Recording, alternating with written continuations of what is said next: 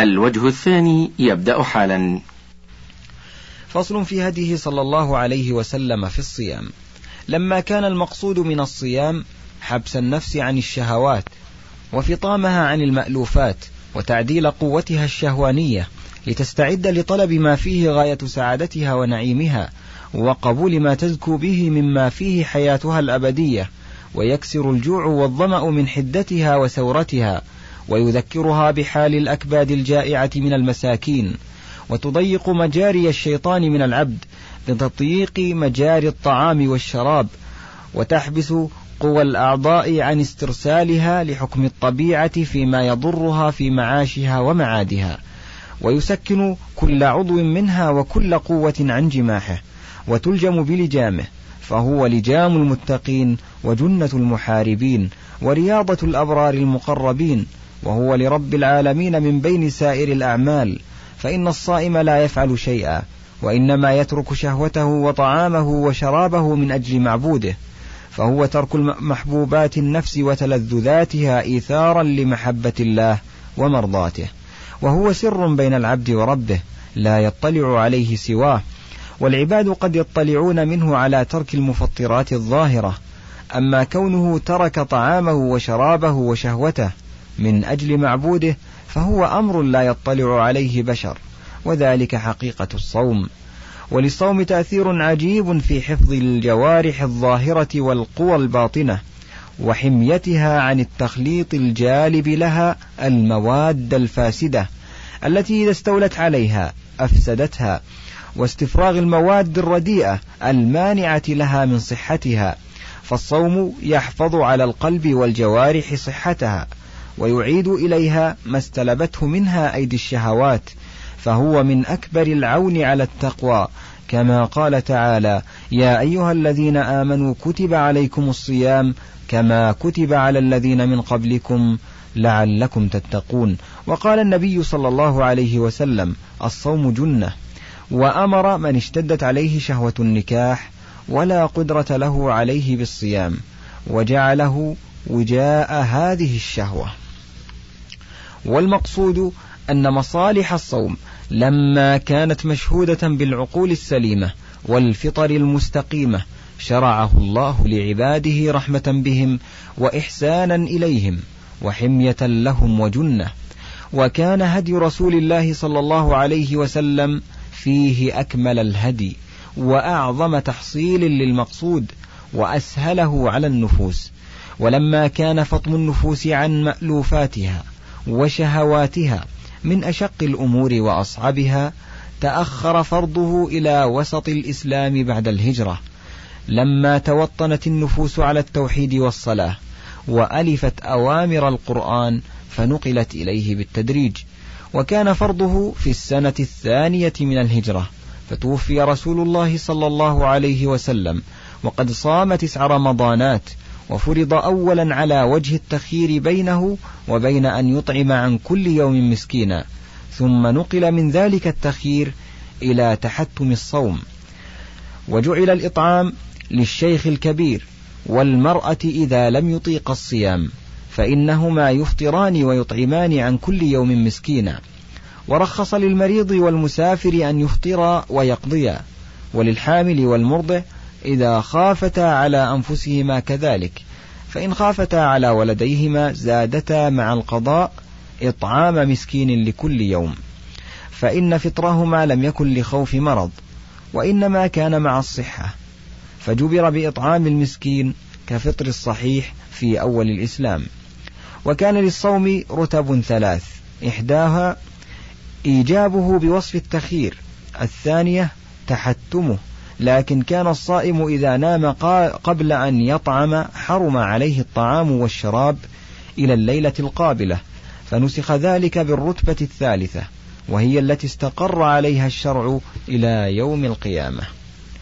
فصل وكان من هديه صلى الله عليه وسلم في شهر رمضان الإكثار من أنواع العبادات فكان جبريل عليه الصلاة والسلام يدارسه القرآن في رمضان. وكان إذا لقيه جبريل أجود بالخير من الريح المرسلة وكان أجود الناس وأجود ما يكون في رمضان يكثر فيه من الصدقة والإحسان وتلاوة القرآن والصلاة والذكر والاعتكاف.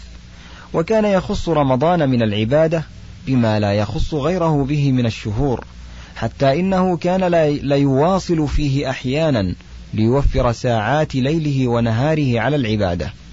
وكان ينهى أصحابه عن الوصال فيقولون له إنك تواصل. فيقول لست كهيئتكم إني أبيت وفي رواية إني أظل عند ربي يطعمني ويسقيني. وقد اختلف الناس في هذا الطعام والشراب المذكورين على قولين. أحدهما أنه طعام وشراب حسي للفم. قالوا وهذه حقيقة اللفظ لا موجب للعدول عنها. الثاني أن المراد به ما يغذيه الله به من معارفه وما يفيض على قلبه من لذة مناجاته وقرة عينه بقربه وتنعمه بحبه والشوق إليه وتوابع ذلك من الأحوال التي هي غذاء القلوب ونعيم الأرواح وقرة العين وبهجة النفوس والروح والقلب بما هو أعظم غذاء وأجوده وأنفعه. وقد يقوى هذا الغذاء حتى يغني عن غذاء الأجسام مدة من الزمان. كما قيل لها أحاديث من ذكراك تشغلها عن الشراب وتلهيها عن الزاد لها بوجهك نور تستضيء به ومن حديثك في أعقابها حادي إذا شكت من كلال السير أوعدها. روح القدوم فتحيا عند ميعاد ومن له أدنى تجربة وشوق.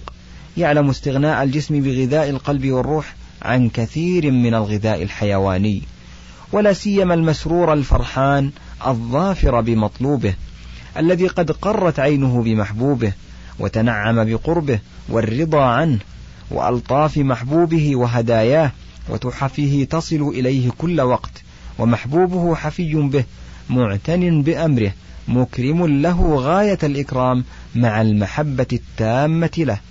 أفليس في هذا أعظم غذاء لهذا المحب؟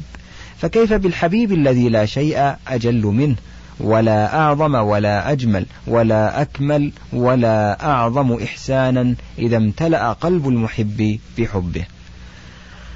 وملك حبه جميع أجزاء قلبه وجوارحه وتمكن حبه منه أعظم تمكن وهذا حاله مع حبيبه.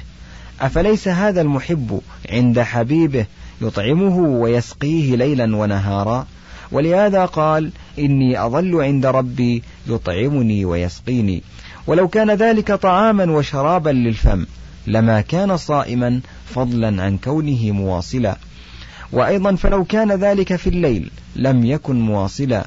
ولقال لأصحابه إذ قالوا له إنك تواصل لست أواصل. ولم يقل لست كهيئتكم.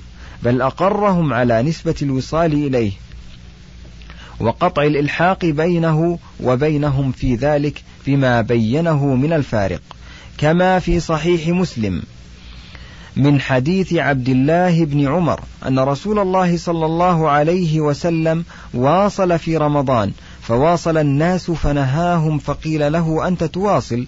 فقال إني لست مثلكم إني أطعم وأسقى. وسياق البخاري لهذا الحديث نهى رسول الله صلى الله عليه وسلم عن الوصال فقالوا إنك تواصل. قال إني لست مثلكم إني أطعم وأسقى. وفي الصحيحين من حديث أبي هريرة نهى رسول الله صلى الله عليه وسلم عن الوصال. فقال رجل من المسلمين إنك يا رسول الله تواصل. فقال رسول الله صلى الله عليه وسلم وأيكم مثلي؟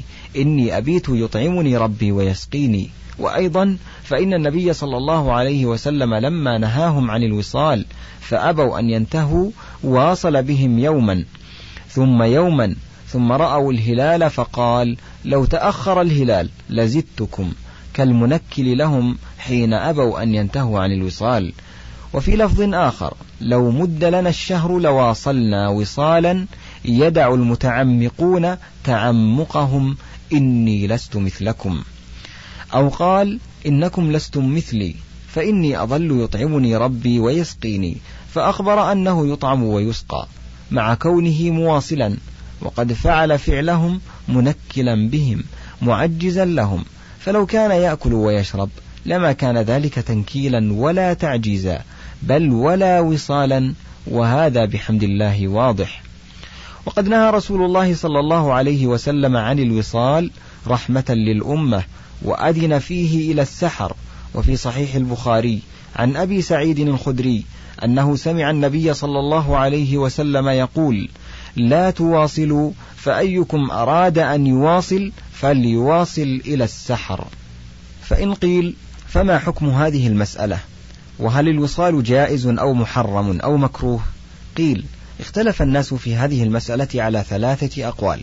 أحدها أنه جائز إن قدر عليه وهو مروي عن عبد الله بن الزبير وغيره من السلف.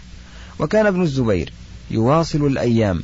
ومن حجة أرباب هذا القول أن النبي صلى الله عليه وسلم واصل بالصحابة مع نهيه لهم عن الوصال كما في الصحيحين من حديث أبي هريرة. أنه نهى عن الوصال وقال إني لست كهيئتكم. فلما أبوا أن ينتهوا واصل بهم يوما ثم يوما. فهذا وصاله بهم بعد نهيه عن الوصال. ولو كان النهي للتحريم لما أبوا أن ينتهوا. ولما أقرهم عليه بعد ذلك قالوا فلما فعلوه بعد نهيه وهو يعلم ويقرهم علم أنه أراد الرحمة بهم والتخفيف عنهم. وقد قالت عائشة نهى رسول الله صلى الله عليه وسلم عن الوصال رحمة لهم. متفق عليه. وقالت طائفة أخرى لا يجوز الوصال. منهم مالك وأبو حنيفة والشافعي والثوري رحمهم الله. قال ابن عبد البر وقد حكاه عنهم إنهم لم يجيزوه لأحد. قلت الشافعي رحمه الله نص على كراهته واختلف أصحابه. هل هي كراهة تحريم أو تنزيه؟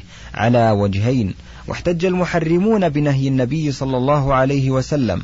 قالوا والنهي يقتضي التحريم. قالوا وقول عائشة رحمة لهم لا يمنع أن يكون للتحريم بل يؤكده. فإن من رحمته بهم أن حرمه عليهم. بل سائر مناهيه للأمة رحمة وحمية وصيانة. قالوا وأما مواصلته بهم بعد نهيه فلم يكن تقريرا لهم. كيف وقد نهاهم؟ ولكن تقريعا وتنكيلا. فاحتمل منهم الوصال بعد نهيه لأجل مصلحة النهي في تأكيد زجرهم وبيان الحكمة في نهيهم عنه بظهور المفسدة التي نهاهم لأجلها. فإذا ظهرت لهم مفسدة الوصال وظهرت حكمة النهي عنه كان ذلك أدعى إلى قبولهم. وتركهم له فإنهم إذا ظهر لهم ما في الوصال وأحسوا منه الملل في العبادة والتقصير فيما هو أهم وأرجح من وظائف الدين من القوة في أمر الله والخشوع في فرائضه والإتيان بحقوقها الظاهرة والباطنة والجوع الشديد ينافي ذلك ويحول بين العبد وبينه تبين لهم حكمة النهي عن الوصال والمفسدة التي فيه لهم دونه صلى الله عليه وسلم. قالوا وليس إقراره لهم على الوصال لهذه المصلحة الراجحة بأعظم من إقرار الأعرابي على البول في المسجد لمصلحة التأليف ولئلا ينفر عن الإسلام ولا بأعظم من إقراره المسيء في صلاته على الصلاة التي أخبرهم صلى الله عليه وسلم أنها ليست بصلاة. وأن فاعلها غير مصل بل هي صلاة باطلة في دينه فأقره عليها لمصلحة تعليمه وقبوله بعد الفراغ فإنه أبلغ في التعليم والتعلم. قالوا وقد قال صلى الله عليه وسلم إذا أمرتكم بأمر فأتوا منه ما استطعتم وإذا نهيتكم عن شيء فاجتنبوه. قالوا وقد ذكر في الحديث ما يدل على أن الوصال من خصائصه. فقال إني لست كهيئتكم ولو كان مباحا لهم لم يكن من خصائصه. قالوا وفي الصحيحين من حديث عمر بن الخطاب رضي الله عنه قال قال رسول الله صلى الله عليه وسلم إذا أقبل الليل منها هنا وأدبر النهار منها هنا وغربت الشمس فقد أفطر الصائم. وفي الصحيحين نحوه من حديث عبد الله بن أبي أوفى قالوا فجعله مفطرا حكما بدخول وقت الفطر وإن لم يفطر وذلك يحيل الوصال شرعا. قالوا وقد قال صلى الله عليه وسلم لا تزال أمتي على الفطرة أو لا تزال أمتي بخير ما عجلوا الفطر. وفي السنن عن أبي هريرة رضي الله عنه لا يزال الدين ظاهرا ما عجل الناس الفطر إن اليهود والنصارى يؤخرون. وفي السنن عنه قال قال الله عز وجل أحب عبادي إلي أعجلهم فطرا. وهذا يقتضي كراهة تأخير الفطر فكيف تركه؟ وإذا كان مكروها لم يكن عبادة. فإن أقل درجات العبادة أن تكون مستحبة. والقول الثالث وهو أعدل الأقوال أن الوصال يجوز من سحر إلى سحر. وهذا هو المحفوظ عن أحمد وإسحاق. لحديث أبي سعيد الخدري عن النبي صلى الله عليه وسلم لا تواصلوا فأيكم أراد أن يواصل فليواصل إلى السحر. رواه البخاري. وهو أعدل الوصال وأسهله على الصائم وهو في الحقيقة بمنزلة عشائه إلا أنه تأخر فالصائم له في اليوم والليلة أكلة فإذا أكلها في السحر كان قد نقلها من أول الليل إلى آخره. والله أعلم. فصل. وكان من هديه صلى الله عليه وسلم ألا يدخل في صوم رمضان إلا برؤية محققة أو بشهادة شاهد واحد كما صام بشهادة ابن عمر وصام مرة بشهادة أعرابي واعتمد على خبرهما ولم يكلفهما لفظ الشهادة فإن كان ذلك إخبارا فقد اكتفى في رمضان بخبر الواحد. وإن كان شهادة فلم يكلف الشاهد لفظ الشهادة. فإن لم تكن رؤية ولا شهادة أكمل عدة شعبان ثلاثين يوما. وكان إذا حال ليلة الثلاثين دون منظره غيم أو سحاب أكمل عدة شعبان ثلاثين يوما ثم صامه ولم يكن يصوم يوم الإغمام ولا أمر به بل أمر بأن تكمل عدة شعبان ثلاثين إذا غم وكان يفعل ذلك. فهذا فعله وهذا أمره ولا يناقض هذا قوله فإن غم عليكم فاقدروا له. فإن القدر هو الحساب المقدر والمراد به الإكمال كما قال فأكملوا العدة. والمراد بالإكمال إكمال عدة الشهر الذي غم كما قال في الحديث الصحيح الذي رواه البخاري فأكملوا عدة شعبان. وقال لا تصوموا حتى تروه ولا تفطروا حتى تروه فإن غم عليكم فأكملوا العدة. والذي أمر بإكمال عدته هو الشهر الذي يغم وهو عند صيامه وعند الفطر منه. وأصرح من هذا قوله الشهر تسعة وعشرون فلا تصوموا حتى تروه فإن غم عليكم فأكملوا العدة. وهذا راجع إلى أول الشهر بلفظه وإلى آخره بمعناه. فلا يجوز إلغاء ما دل عليه لفظه واعتبار ما دل عليه من جهة المعنى. وقال الشهر ثلاثون والشهر تسعة وعشرون فإن غم عليكم فعدوا ثلاثين. وقال لا تصوموا قبل رمضان صوموا لرؤيته وأفطروا لرؤيته فإن حالت دونه غمامة فأكملوا ثلاثين. وقال لا تقدموا الشهر حتى تروا الهلال أو تكملوا العدة ثم صوموا حتى تروا الهلال أو تكملوا العدة. وقالت عائشة رضي الله عنها كان رسول الله صلى الله عليه وسلم يتحفظ من هلال شعبان ما لا يتحفظ من غيره. ثم يصوم لرؤيته فإن غم عليه عد شعبان ثلاثين يوما ثم صام. صححه الدار قطني وابن حبان. وقال صوموا لرؤيته وأفطروا لرؤيته فإن غم عليكم فاقدروا ثلاثين وقال لا تصوموا حتى تروه ولا تفطروا حتى تروه فإن أغمي عليكم فاقدروا له وقال لا تقدموا رمضان. وفي لفظ لا تقدموا بين يدي رمضان بيوم أو يومين إلا رجلا كان يصوم صياما فليصمه. والدليل على أن يوم الإغمام داخل في هذا النهي حديث ابن عباس يرفعه لا تصوموا قبل رمضان صوموا لرؤيته وأفطروا لرؤيته فإن حالت دونه غمامة فأكملوا ثلاثين. ذكره ابن حبان في صحيحه. فهذا صريح في أن صوم يوم الإغمام من غير رؤية ولا إكمال ثلاثين صوم قبل رمضان. وقال لا تقدموا الشهر إلا أن تروا الهلال أو تكملوا العدة ولا تفطروا حتى تروا الهلال أو تكملوا العدة. وقال صوموا لرؤيته وأفطروا لرؤيته فإن حال بينكم وبينه سحاب فأكملوا العدة ثلاثين ولا تستقبلوا الشهر استقبالا. قال الترمذي حديث حسن صحيح.